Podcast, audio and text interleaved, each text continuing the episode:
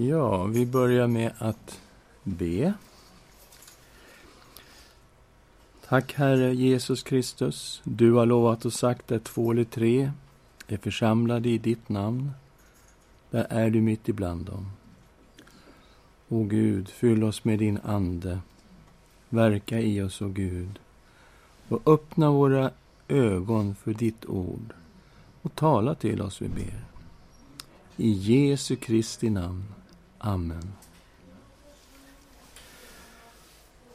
Ja, det är Amos vi ska börja med idag. Och vi ser på vår lista här att det är den tredje profeten som vi kommer till i vår långa lista av skriftprofeter. Vi är i det delade rikets tid som är mellan 931 till 722. Vi kommer, redan nu är vi ju nere på 700-talet. Vi ser att vi har sagt Amos till 760 före Kristus. En profet sänd till Israel. Och eh, så här såg det ju ut. I söder fanns Juda med Jerusalem som huvudstad. Och i norr fanns Israel med Samaria som huvudstad. Och det här är tiden för kungarna. Och här hittar vi också skriftprofeterna i den här perioden. Supermakter är Assyrien och Egypten. Assyrien i norr egentligen sin hemvist i norra Irak men blev ett rike som expanderade oerhört just på 700-talet och var ett hot mot hela regionen.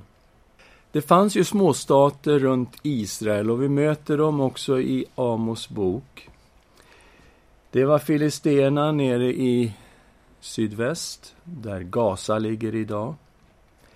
Det var Fenicien uppe i nord och kuststäderna Tyrus och Sidon, som ju är en del av Libanon idag.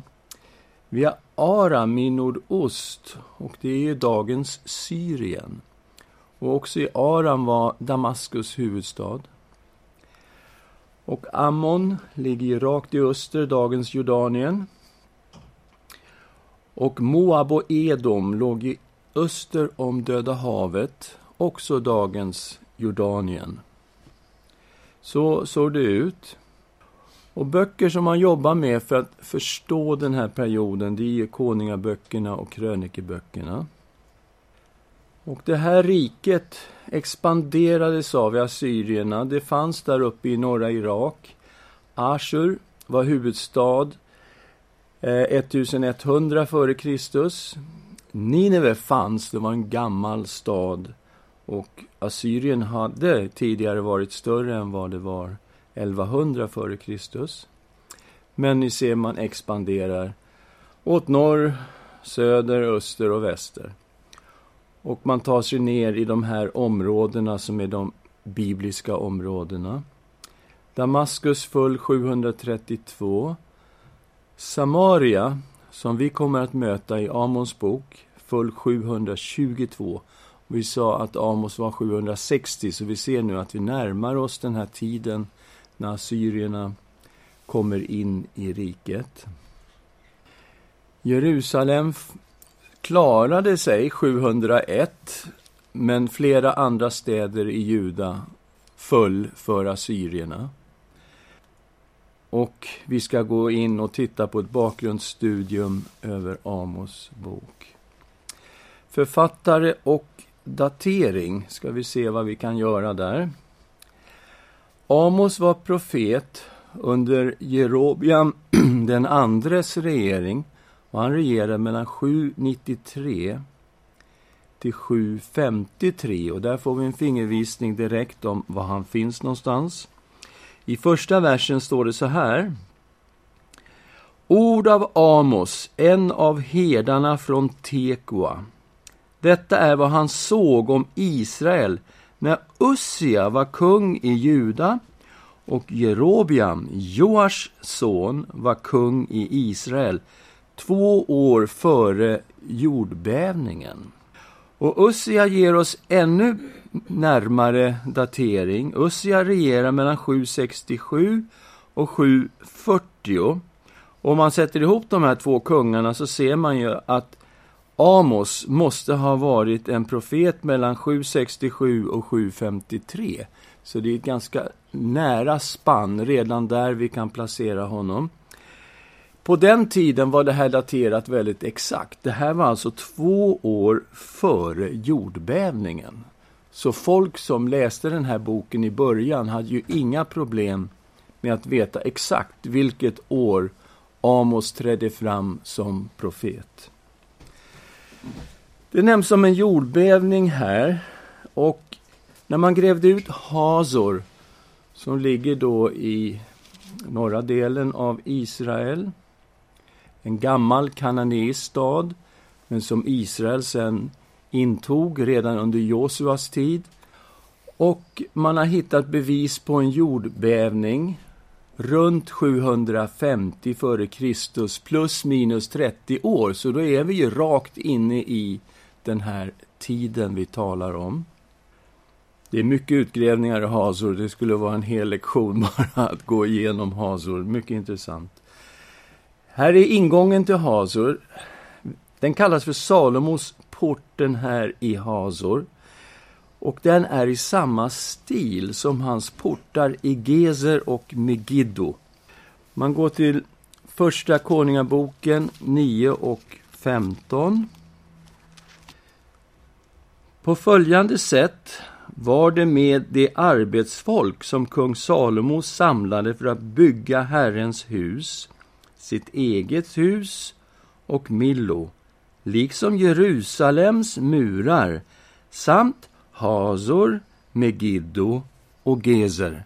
Där har vi de här tre städerna som har en väldigt liknande stadsport. Och när man går till de här så kan man se stadsporten på alla tre. Och eh, man är rätt säker på att detta är Salomos stadsport till Hazor som vi ser framför oss. Och Amos beskrev en jordbävning och det är lite småantydningar till jordbävningar i Amos bok. Men det kan också vara ett rent poetiskt språk. Vi tittar till exempel på 8.8. står så här. Skulle inte landet darra när sådant sker? Skulle inte alla dess invånare sörja? Skulle inte hela landet höja sig som Nilen och röras upp och åter sjunka som Egyptens flod? Och det här är ju ett bildspråk som mycket väl kan syfta på jordbävning. Sakarja hänvisade till just den här jordbävningen som är omnämnd i Amos bok. Amos alltså skrivet två år före jordbävningen. Om vi går till Sakarja 14 och 5 och ni ska fly ner i dalen mellan mina berg, för dalen mellan bergen ska sträcka sig till Asal. Ni ska fly som när ni flydde för jordbävningen på Juda kung Ussias tid. Då ska Herre min Gud komma med alla heliga med sig. Så, den här jordbävningen var känd långt senare. Sakarja, han profeterar ju alltså runt 520. Så det här är ju en bra bit över 200 år senare så är den här jordbävningen under Ussias tid känd i Israel. Amos själv kom från Tekoa. Han kom alltså inte från Israel utan från Juda. Teko har vi förstått, det är omnämnt i Andra krönikeboken 2020, låg söder om Jerusalem, söder om Betlehem. Och Amos han beskriver sig själv som en fåraherde. I sjunde kapitlet möter vi att de försöker stoppa Amos och få honom att inte profetera mer. Det är prästen Amasja som säger åt honom att sluta att profetera i Betel. Jag är ingen profet, ingen profetlärjunge. Jag är boskapsherde och odlar mullbärsfikon. Okej, okay, det är Amos, han presenterar sig själv. Därför att Amasja sa, du kan gå till Juda och profetera eh, istället för att hålla på och profetera här. Men han säger, jag har inte det yrket, det är inte min bakgrund. Det fanns ju så att säga mer professionella profeter och han var inte en sån. Utan han var en fåraherde från Tekoa. Och han levde av mullbärsfikon. Författare till den här boken, visst det kan vara Amos själv. Den börjar lite kryptiskt, ord av Amos, en av hedarna från Tekoa. Låter ju inte som det är han som har skrivit just den versen. Så att vi får tänka oss, eller åtminstone öppna dörren för att det är någon i kvarlevan som har skrivit detta. Alltså kvarlevan är ett begrepp som vi kommer att möta i de här profetiska böckerna. Vi vet att Paulus tar upp kvarlevan när han skriver i Romarbrevet. I kapitel 9 nämner han kvarlevan som fanns under Jesajas tid. Då är vi efter eh, Amos. Men han tar också i elfte kapitlet upp kvarlevan som fanns under Elias tid. 7000 män som inte hade böjt knä för Bal. Och de fanns ju i Israel i det norra riket och det är ju ja, ungefär hundra år före Amos som Elia är profet. Så här har vi en period där kvarlevan finns och växer fram och blir väldigt tydlig i profetböckerna. När man går till Jesaja bok är det ett, nästan som ett huvudtema, jätteviktigt tema i Jesaja. Detta med kvarlevan. Och vad är då kvarlevan? Och kvarlevan, det är den troende delen av Israel. Det är sådana som inte har ramlat in i avguderiet. De är trogna Herren och de vandrar med Herren. Och jag tänker mig att när profeterna talade så kan man få ett intryck när man läser dem, de var ju helt ensamma typ. Det fanns ju ingen runt omkring dem, de talade nästan ut i ett vakuum. Men det är det som jag är rätt säker på att de inte gör.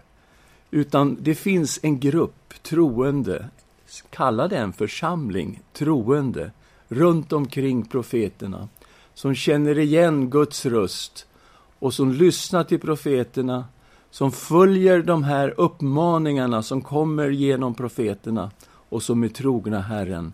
Det här är kvarlevan. Och jag vill säga att i Israels historia, ända ifrån Mose dagar fram till Jesus och även Nya testamentet, har det egentligen alltid bara funnits en kvarleva av Israels folk som varit sanna troende. För det är det intryck vi får när vi läser Gamla testamentet.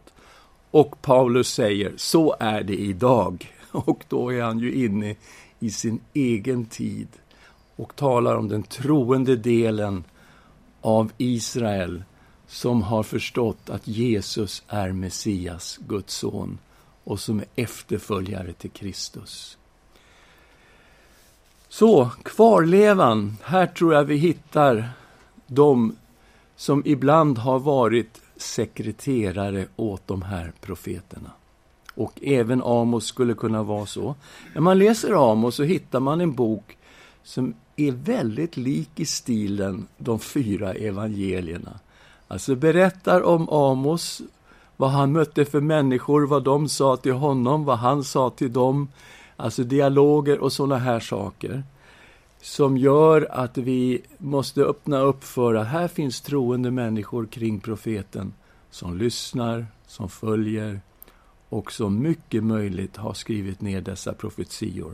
Och profetiorna kommer då två år före jordbävningen. Och ni ser att jag har satt detta för att visa kvarlevan. De i Elias tid hittar vi Första Konungaboken 19 och 18 och Jesajas tid hittar vi i Jesaja 1 och 9. första gången Jesaja introducerar kvarlevan. Amos är alltså sänd till det norra riket. Han profeterar om alla de kringliggande rikena runt omkring Juda, de vi såg på kartan inledningsvis. Han profeterar om Juda också, men huvudsakligen så handlar boken om hans profetia mot Israel, det norra riket.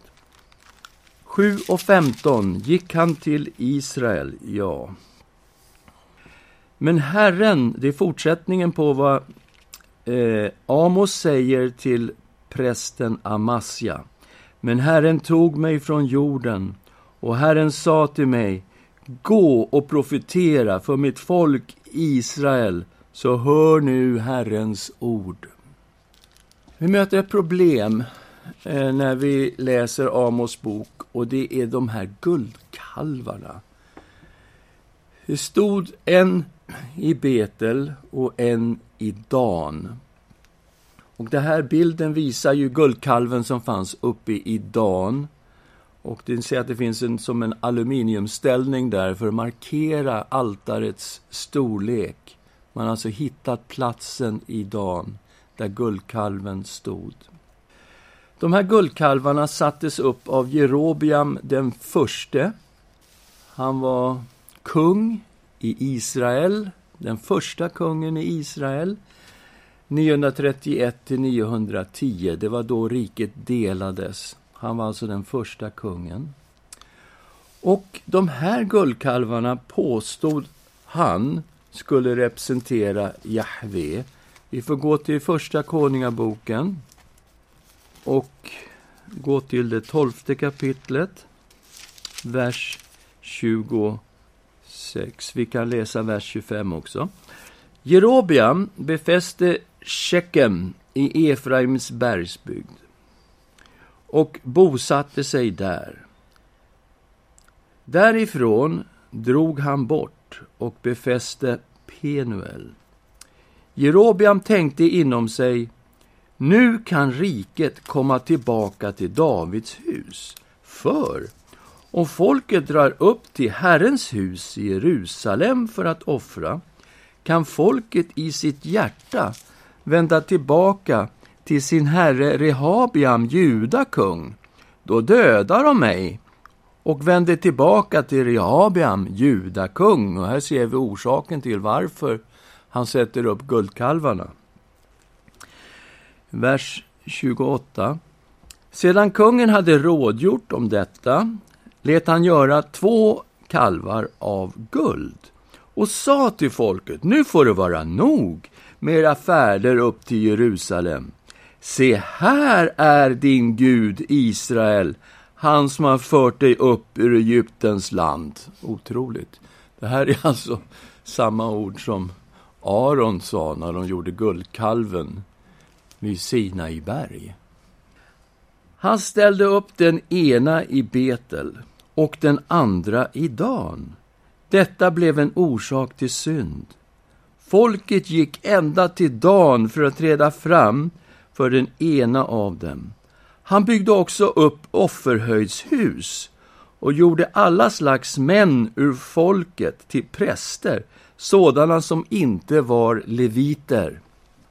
Offerhöjdshuset, ni ser trapporna upp där bakom altaret. Där uppe har offerhöjdshuset stått.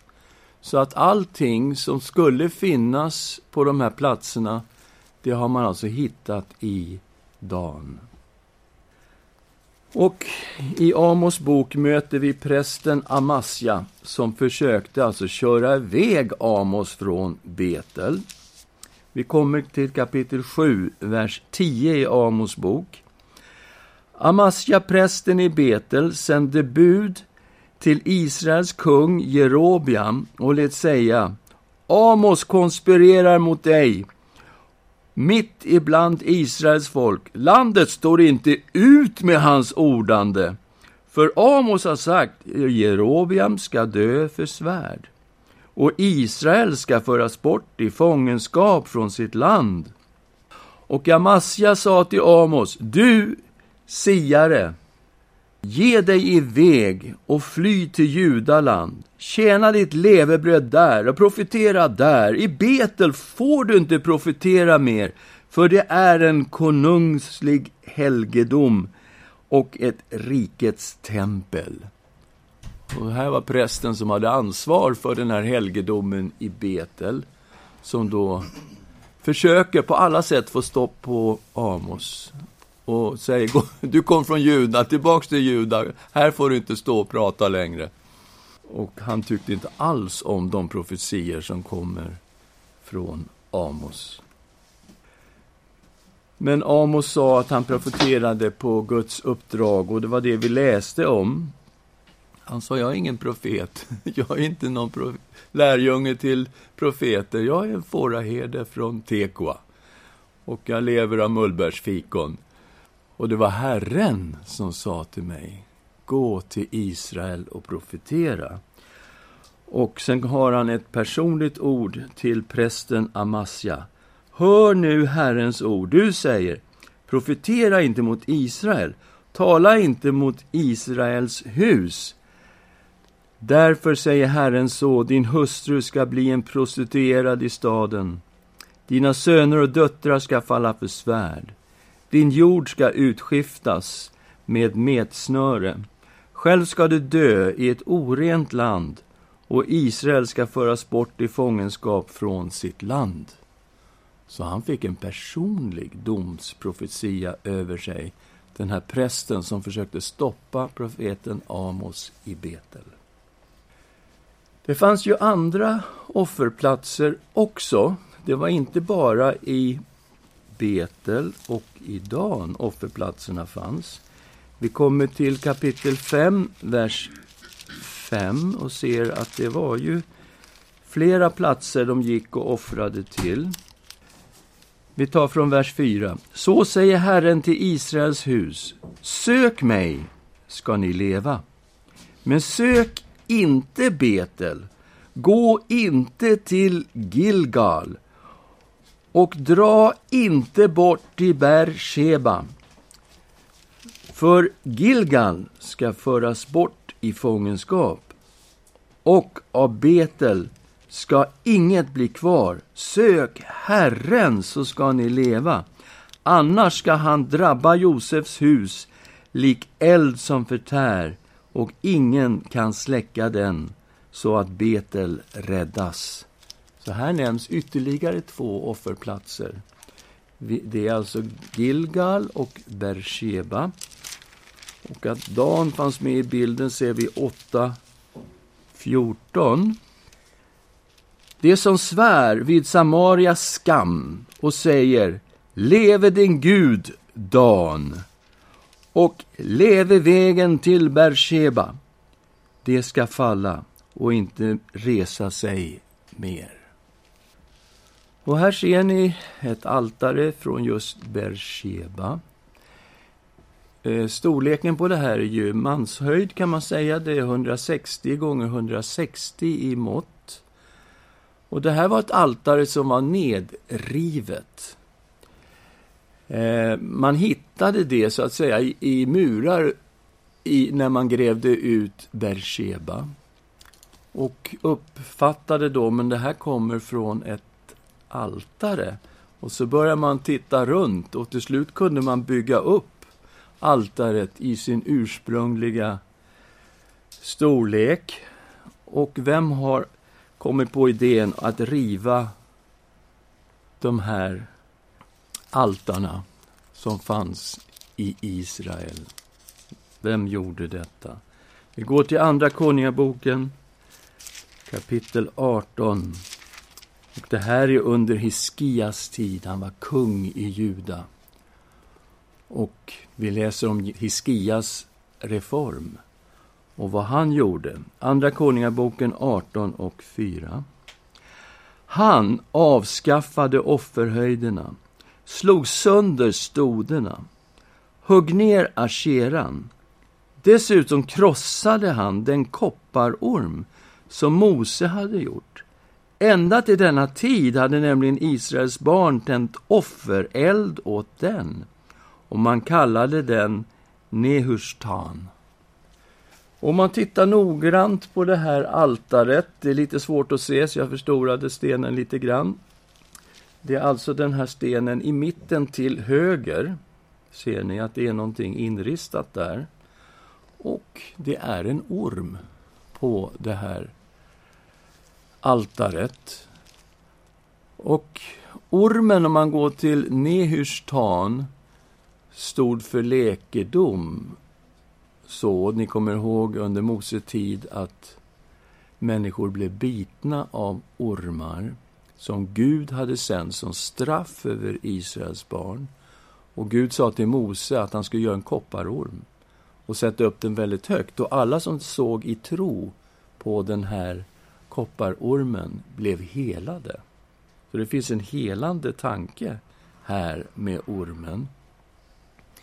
Men när man tittar runt i olika kulturer runt omkring så ser man också att ormen hade med fruktbarhet att göra.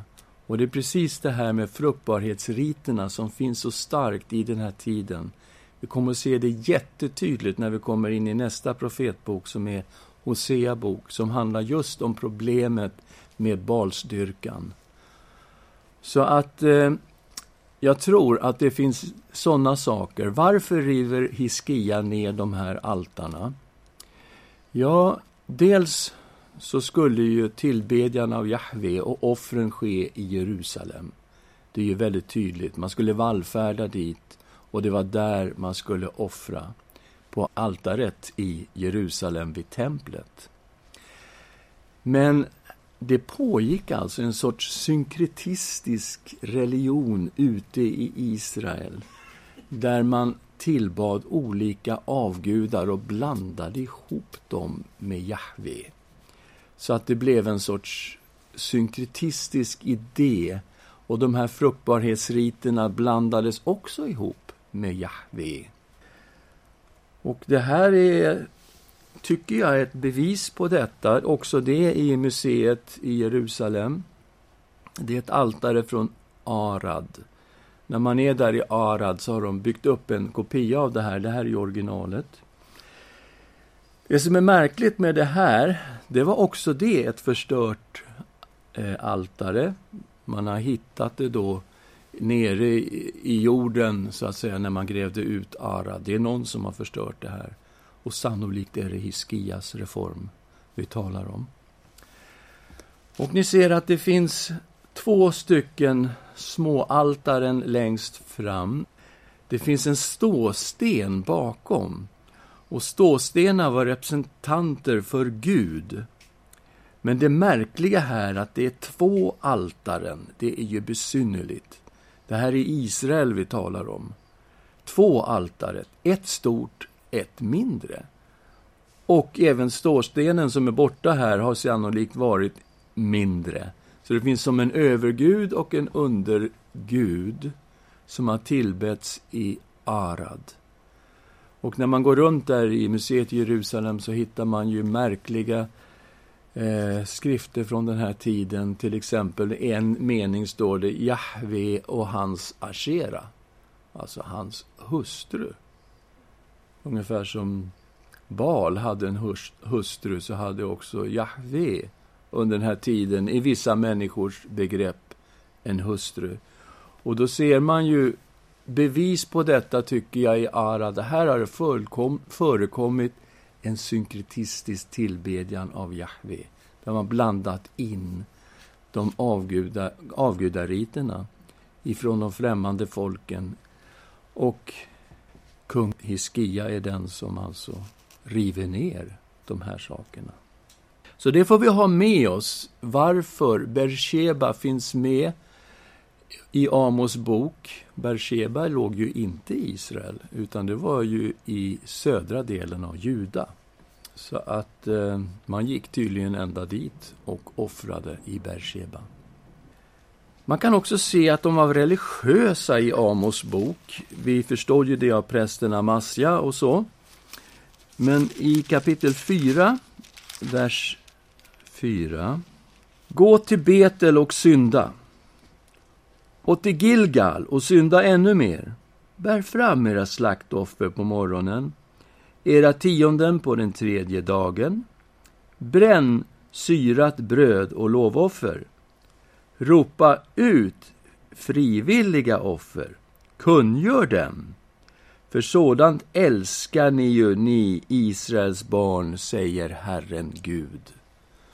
Och jag ser, de var religiösa. De hade någon sorts kalender som de följde. På tredje dagen gjorde de sådär, och de offrade här och de höll på och hade byggt ut ett religiöst system.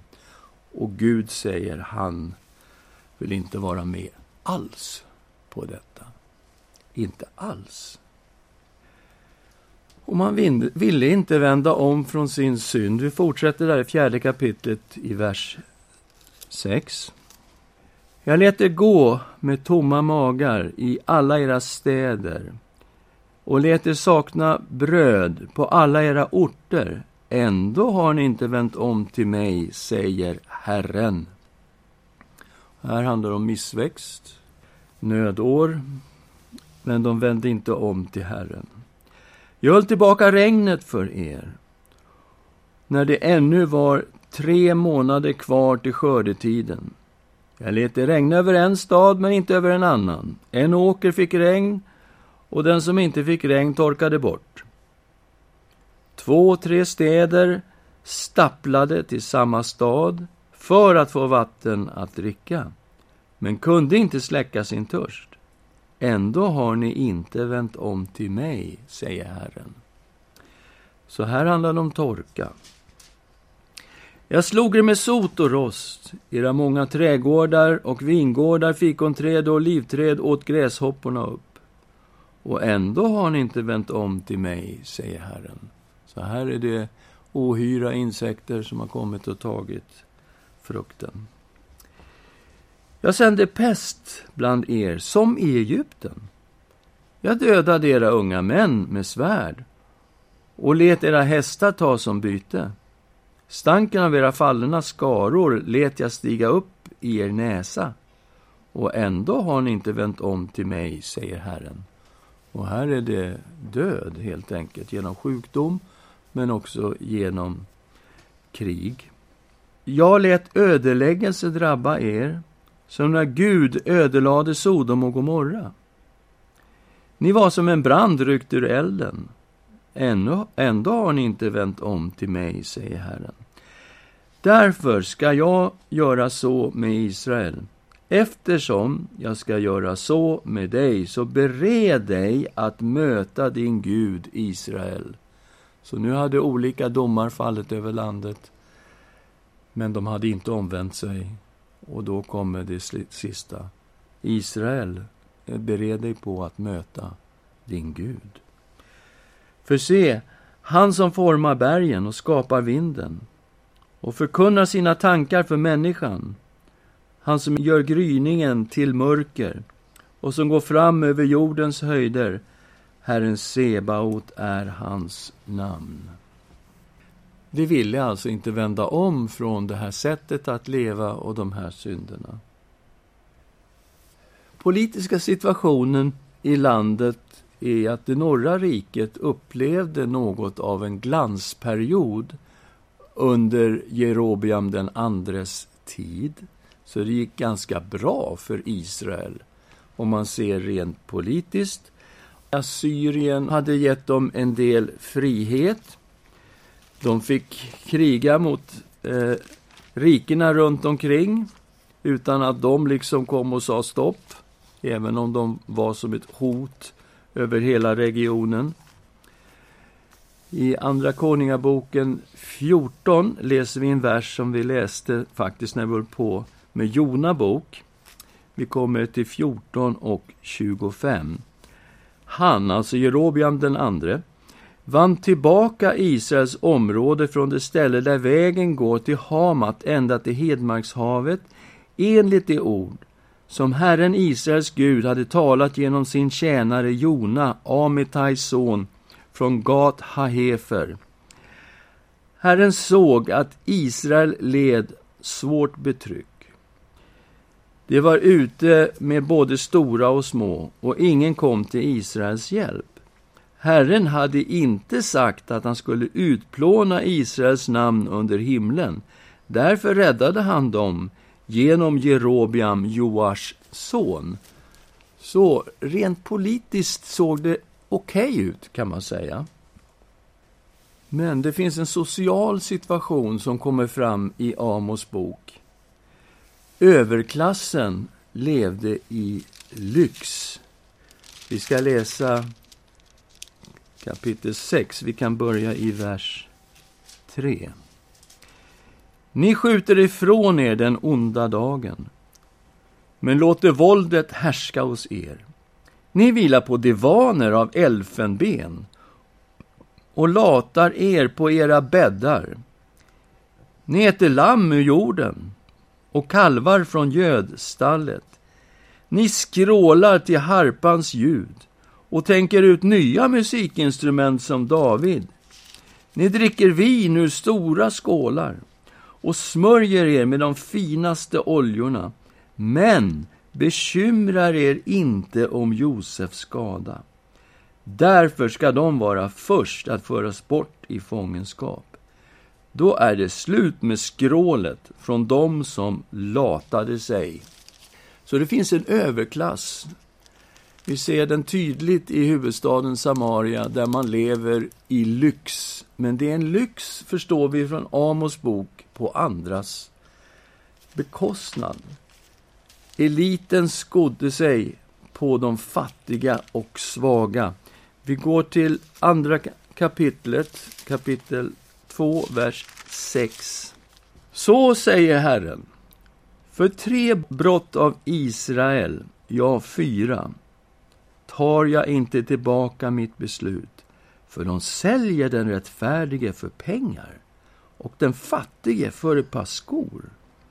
De trampar ner de hjälplösas huvuden i stoftet och kränker rätten för de ödmjuka. Far och son går till samma flicka för att vanhelga mitt heliga namn. På kläder som tagits i pant sträcker de ut sig vid varje altare.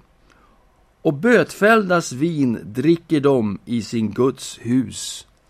Och här ser vi alltså att de sålde människor som slavar för att få vinning, tjäna pengar.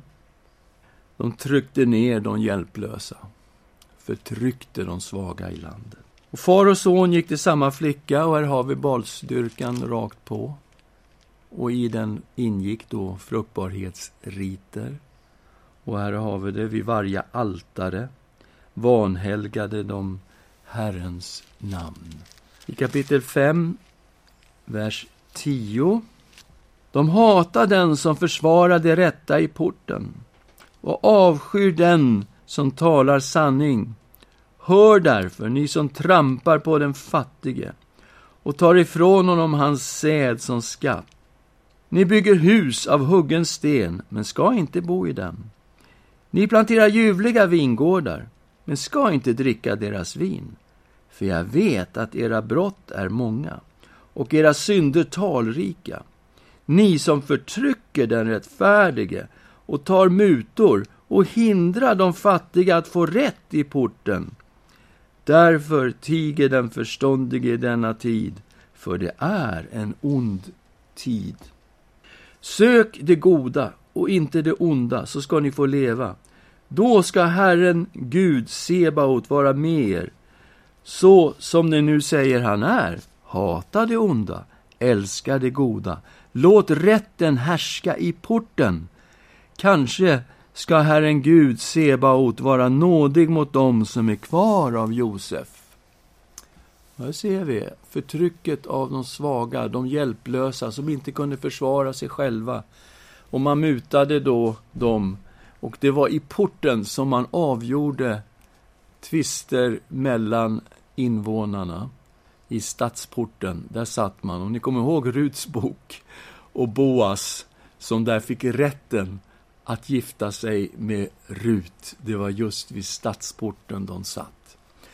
Och här ser ni ju platsen i stadsporten till Dan. Och domaren sitter ju där, ni ser på eh, sin eh, stol och han skipar rätt. Så, vi gör en liten sammanfattning. Vi går in på temat här nu, på det här bakgrundsstudiet. Amos predikade dom över alla riken i området, men framför allt över Israel, det norra riket. Det är viktigt att förstå att Israel var Guds egendomsfolk. Ett folk som hade ett förbund med Israels Gud.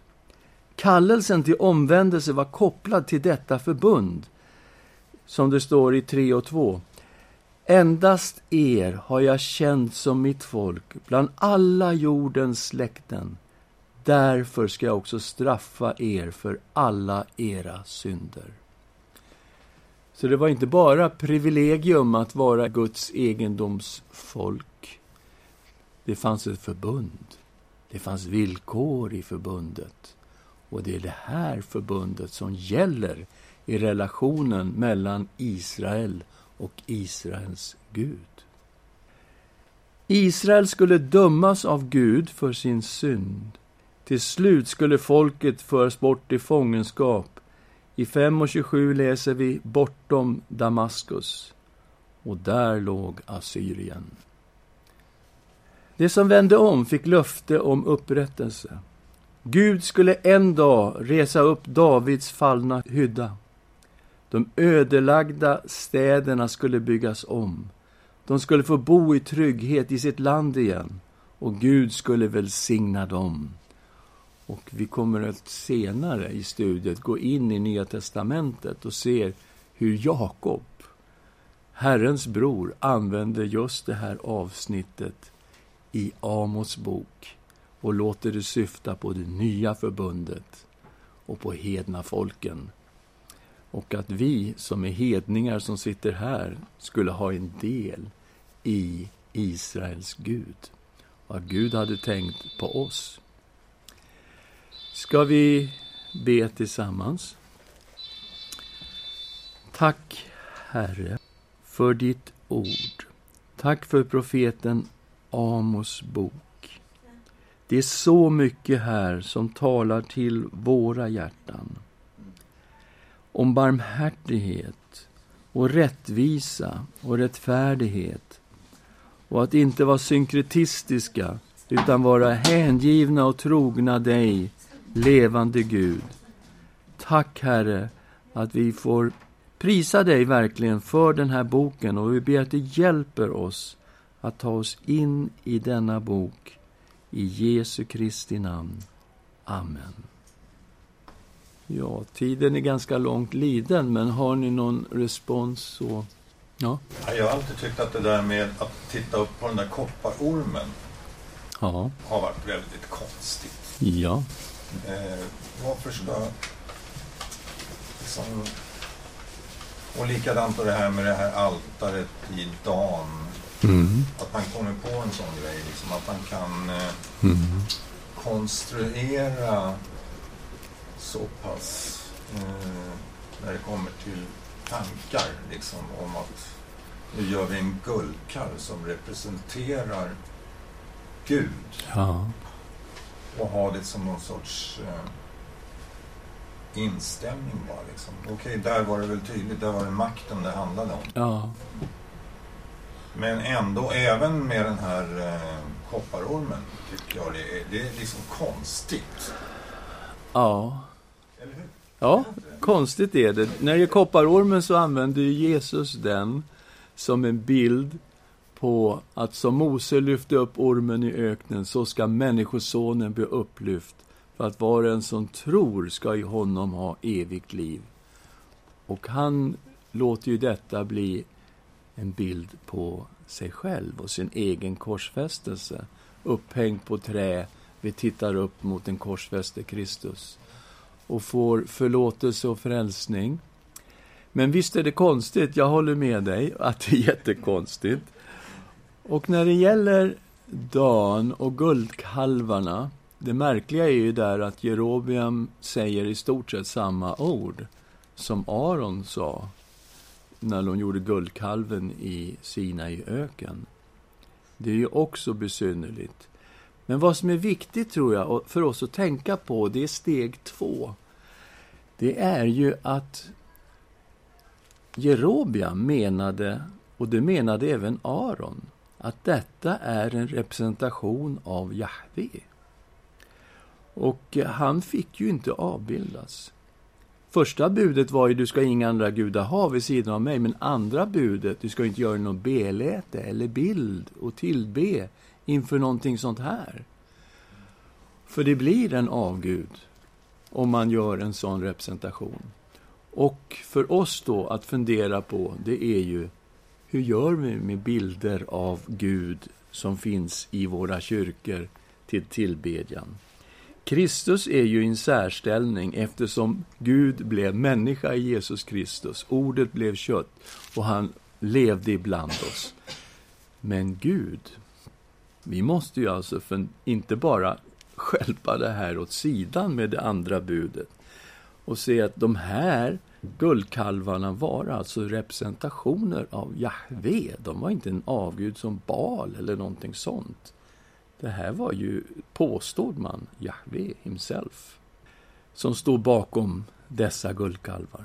Och då behöver vi tänka till och fundera på, okej, okay, då blir det lite mer personligt för oss. Men då tänker jag också så här att eh, det är lätt att vi går omkring och har kanske felaktiga bilder i huvudet av Gud. Ja, det, eh, så är det ju. Ja. Men, och då är väl det viktiga att vi ser på Jesus. För han är ju den som har uppenbarat Gud på ett riktigt sätt. Ja. Och det är ändå ganska påtagligt. Ja. Alltså, vi har någonting vi kan tänka på. Ja. Eh, och se Gud. Jag menar, inom islam så är det ju... Mm. Eh, där är ju liksom allting synd om man liknar Gud i någonting. Jag menar, mm. om jag säger att Gud är som en herde. Nej, nej, nej, nej, nej. Mm. Gud är inte så liten som en herde. Du kan inte tänka på honom som en herde. Eh, men vi har ändå fått bilder där vi kan tänka på Gud. Alltså, och mm. forma någon sorts tankar. Precis. Så det inte bara blir liksom, nej, nej, nej, nej, vi kan, liksom, det går inte, liksom, ingenting att ta på alls. Det är riktigt. Jesus är den osynlige Gudens avbild, säger Paulus. Och det är så vi tänker på honom. Han är en full representation av Gud. Så är helt riktigt. Titta noga på Jesus och se Gud. Så är det. Så det jag har vi tillåtelse att göra. Men han är alltså den enda avbilden av Gud som är sann. Det är också viktigt att komma ihåg. Bra, då måste vi bryta här och så får vi jobba vidare med Amos nästa gång.